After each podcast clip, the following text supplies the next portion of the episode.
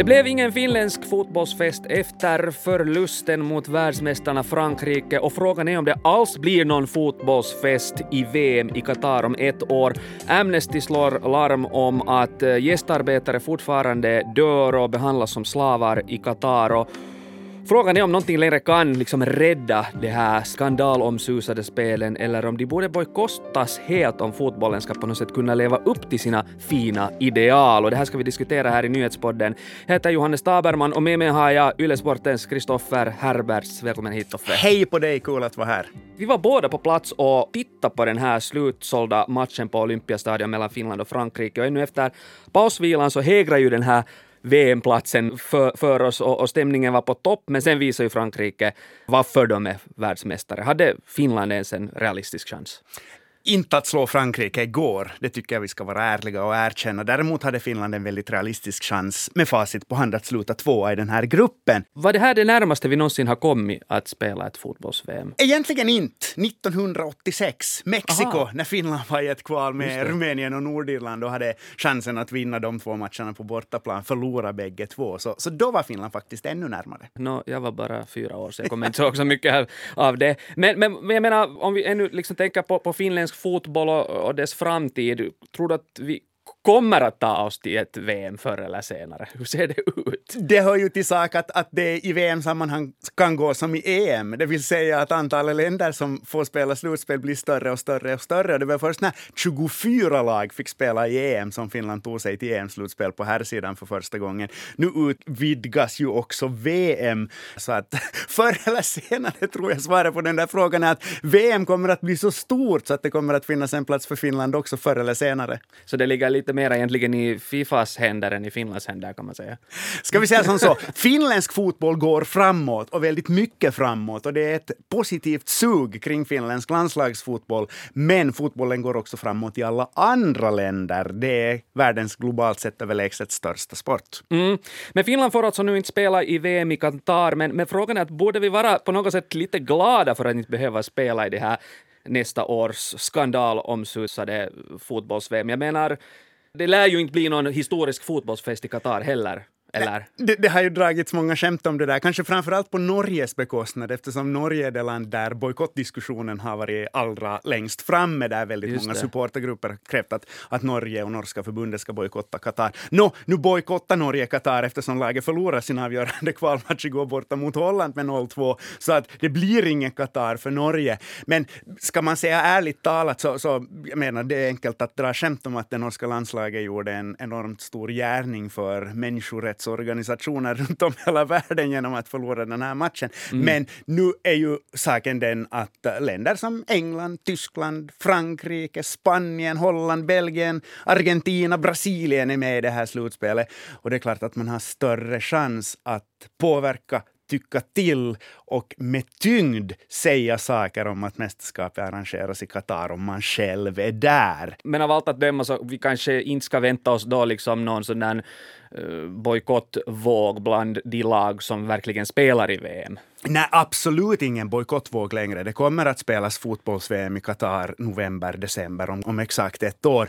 Däremot så tror jag också att vi kommer att få en väldigt livlig diskussion och debatt och väldigt mycket fokus på Qatar och missförhållanden i Qatar under hela det här året fram till VM.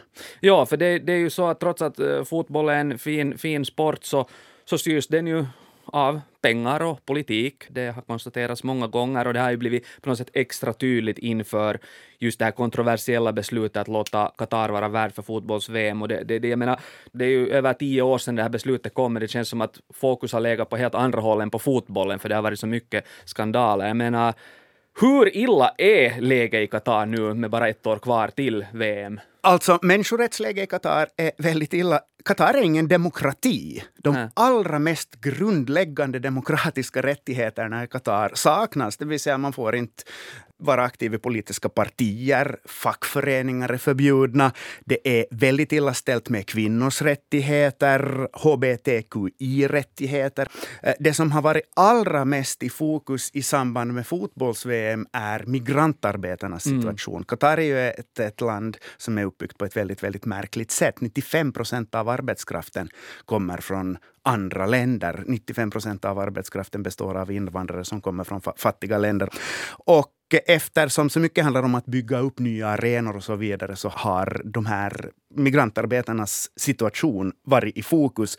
Om man nu går in på Human Rights Watch och deras paradsida, deras första sida och kollar vad det står om Qatar, så står det allra första meningen som står där är att märkbara reformer har skett. Significant reforms. Det vill säga nu får arbetstagare byta jobb mm. utan tillstånd från sin, från sin arbetsgivare. Det finns regler om minimilön. Så det har alltså skett saker i Qatar. Men samtidigt så publicerar också Amnesty International en rapport nu helt nyligen Precis. där organisationen meddelar att de här nya lagarna, de här nya reglerna inte efterlevs. Ja. Och de arbetsgivare som bryter mot de här lagarna så straffas inte. Ja, för, för, för att som du var inne på, alltså det är ju otroliga mängder med utländska liksom gästarbetare, så de är med och bygger upp hela det här liksom VM-spektaklet i Qatar, som ju är ett dyrt kalas med enorma arenor och var väl ny flygplats och en det ena och en det andra. Någon ska ju bygga allt det här. Och det har ju rapporterats nu om att kring 6 000 gästarbetare som har varit med och byggt ska ha mist livet av, av anledningar som ingen riktigt har kunnat förklara. Och här har ju liksom trycket på Qatar varit stort. Men har det alls förts en diskussion om att nej, vi kan inte ordna det, eller har det bara varit så att skriv om era lagar och det är bra så? När Qatar fick de här mästerskapen. Qatar fick fotbolls-VM 2010. Nu vet vi, det är verkligen ingen hemlighet, att då så var toppen av Fifa, det vill säga internationella fotbollsförbundet som gav mästerskapet åt Qatar.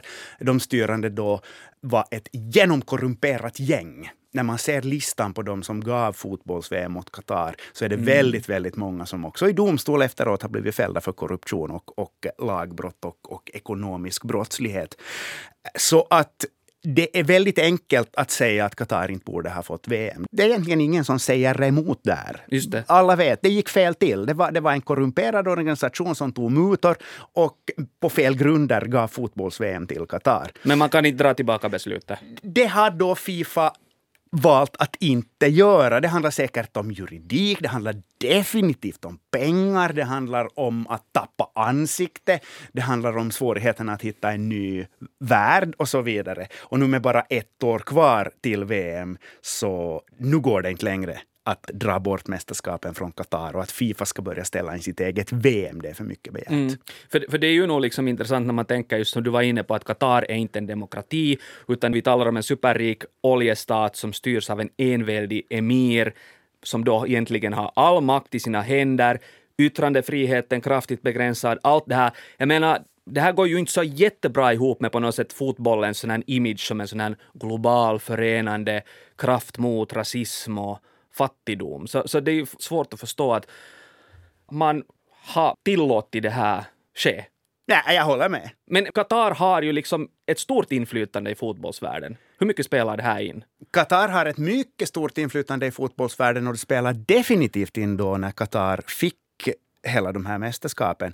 Qatar har fortfarande också, bortsett från, från VM, en väldigt stark position. Qatar är en maktfaktor. Qatar äger Paris Saint-Germain, en av de rikaste klubbarna i världen, en av de största klubbarna i världen. Värvade Lionel Messi i somras. Gärna gick han över och tog lite katarska lönepengar. Mm. Eh, Qatar spelar en väldigt stor roll i Bayern München. Tung sponsor. Bayern München har årliga träningsläger i Qatar och har haft ungefär från den tiden när Qatar fick VM. Men det har alltså hänt väldigt mycket sen Qatar fick VM. När Qatar fick VM så var det protester, men inte så där oerhört väldigt högljudda. Nu känns det som att under decennier som har gått sen dess så är det väldigt mycket mer snack om det här. Och Qatar har förlorat väldigt mycket i anseende under de gångna tio mm. åren. Till exempel Finland och Sverige hade sina träningsläger i Qatar ännu för några år sedan utan att det blev desto mer snack om det. Nu har nordiska fotbollslandslag inte längre sina läger i Qatar utan åker till Spanien istället. Och just det där att det snackas mer om sponsring. Qatar sponsrade tidigare till exempel Barcelona utan att det pratades så mycket mm -hmm. om det. Mhm. Så att Qatar har fått uppmärksamhet under det här decenniet, men jag vill påstå att det inte handlar om någon sportswashing, eller det handlar om en sportswashing som har gått fullständigt totalt snett. För det finns ingen människa, vågar jag påstå, i världen som hör Qatar och nu tänker att ah, cool, vilket mysigt ställe. Nej, det är väldigt fint och bra på alla sätt. Och jag tror inte heller det finns någon som hör Fifa som tänker att ah, Fifa, vilken transparent och fräsch och rolig organisation. Utan på det sättet så, så Qatar fick säkert det här mästerskapet, eller ville ha mästerskapet för att få positiv PR. Men det har blivit en total backlash. Det har De betalar ett högt pris. Snett. De betalar ett väldigt, väldigt högt pris för det. I alla fall image, imagemässigt. Ja. Men, men finns det något fotbolls-VM som har varit lika kritiserat som det här? Det finns det också faktiskt.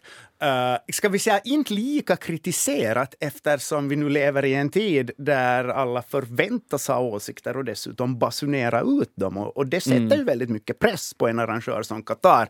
Det var inte så vanligt med Twitter när Mussolini ordnade fotbolls-VM i Italien 1934. Men det finns ett annat mästerskap uh, i mera modern tid som också har varit oerhört kritiserat och som är en liten skamfläck när man tittar på VM-turneringarna genom åren. Och det var 1978 i Argentina när militärjuntan mm. använde fotbolls-VM till att legitimera sig mm. och att eh, skapa en nationalistisk yra och en glansbild av, av Argentina. Och sen vann ju Argentina dessutom det mästerskapet på hemmaplan. Så att, så att 78 är fortfarande, liksom 2022 kommer att vara ett, ett mm. mörkt litet kapitel där i VM-historien. Ja, så att, så att det här att fotbollen dras in i politiken är inte äh, nytt i sig. Men jag tänker nu, nu, nu liksom mycket av just kritiken liksom riktas mot Qatar, men vi var inne på Fifa som ju också har spelat sin roll. Okej, nu har man bytt ut den här ledningen, men, men liksom har någonting alls blivit bättre? Har Fifa verkligen ställt Qatar mot väggen och, och, och, och krävt tillräckligt hårt ja, klart att, att de ändrar sig? Nej, klart att Fifa kan göra mer. Ja. Fifa kan kräva mer, Fifa, Fifa kan vara hårdare. Och därför tycker jag det kommande året blir så oerhört intressant att se hur mycket landslag enskilda förbund, för att inte tala om spelare, enskilda spelare, som kommer att vara med i VM väljer att sätta press på Qatar, väljer att lyfta upp de här frågorna, väljer att sätta fokus på missförhållanden där. Det var ju det som Tim Sparv, den finländska lagkaptenens mm. långa utläggning handlade om. Det handlar inte om att bojkotta fotbolls-VM, det handlar inte om att, om att på det sättet inte vara med i Qatar, utan det handlar om att vi måste prata om Qatar, vi måste lyfta upp det här, vi måste uppmärksamma vid varje tillfälle vi bara kan hur illa ställt det är på många fronter i det värdlandet. Och det blir intressant att se vilka fotbollsspelare som kommer att vara med i den kampen. Ja, du nämnde Tim Sparm. Han, han, han har ju också varit med i en sån kampanj för Amnesty kring den här frågan. Och sen hade vi tidigare Riku Riski som meddelade att han tänker liksom bojkotta hela de här spelen. Och det är ju inte aktuellt nu, men i alla fall en exceptionellt ställningstagande. Så jag menar, Finns det liksom ännu hopp om att fotbollen kan liksom leva upp till och stå upp för sina fina ideal också i annat än tv-reklamer och, och, och festal? Jag, jag tycker du? man ska göra skillnad på fotboll här när det gäller Fifa och de styrande och klubbarna som vill roffa åt sig så mycket pengar som möjligt. Så, så, så det, det, är svårt, för det är en, en gren som på alla sätt behöver pengar. Det är en gren som betalar hutlösa löner. Det är en gren som omsätter enorma summor pengar. Och då är det klart att om det finns pengar tillgängliga från Qatar, eller Dubai eller Saudiarabien, för att nu ta tre aktuella exempel, mm. så ska man vara en ganska stark klubbledning för att säga, eller ett starkt förbund för att säga att nej, de här pengarna vill vi inte ha någonting att göra med alls. Sen om vi lyfter över det på spelarsidan, mm. så tycker jag att eh, vi just nu saknar spelare som gör ett utspel som de förlorar på. Det vill säga spelare som till exempel väljer att tacka nej till en hög lön från en klubb av moraliska skäl. Det är enkelt att säga att det här och det här och det här är illa och så blir man bara mera populär, man får bara mera likes, man framstår som en väldigt schysst typ. Absolut inget illa med det. Definitivt bättre än att hålla käften. Men var har vi den spelare som säger att nu tänker jag inte gå till PSG fast de vill ha mig för att mm. det är mm. Qatar som äger dem. När får vi en sån spelare som säger att jag vill inte gå till Newcastle United fast det är världens rikaste klubb för att deras saudiarabiska ägare strider mot människorätt gång på gång på gång. När får vi alltså en spelare som offrar någonting av sig själv? Till exempel en spelare som säger att jag tänker inte spela fotbolls-VM i Qatar fast mitt landslag åker dit. Jag vill inte vara med i VM. Tror du vi kommer att se något sådana exempel? jag tror inte. Jag tror nej. inte. Men jag längtar lite efter det. Den där spelaren som går ut och säger att nu vill Newcastle köpa mig för 150 miljoner pund, men jag tackar nej till de pengarna eftersom jag inte tror på Saudiarabiens ledning. Man tycker att det finns ganska många fotbollsstjärnor som skulle borde ha råd att tacka nej till sådana bud. Fråga Messi! ja. Lämna Barcelona och gick istället till Qatar. Mm. PSG, men i alla fall. Det kommer att bli många sådana här frågor framöver. Eh, ett, ett viktigt år på något sätt för fotbollens samvete kan man säga. Toffe Herbers, tack för att du kom hit till Nyhetspodden. Tack. Jag heter Johannes Taberman. Fortsätt lyssna på oss.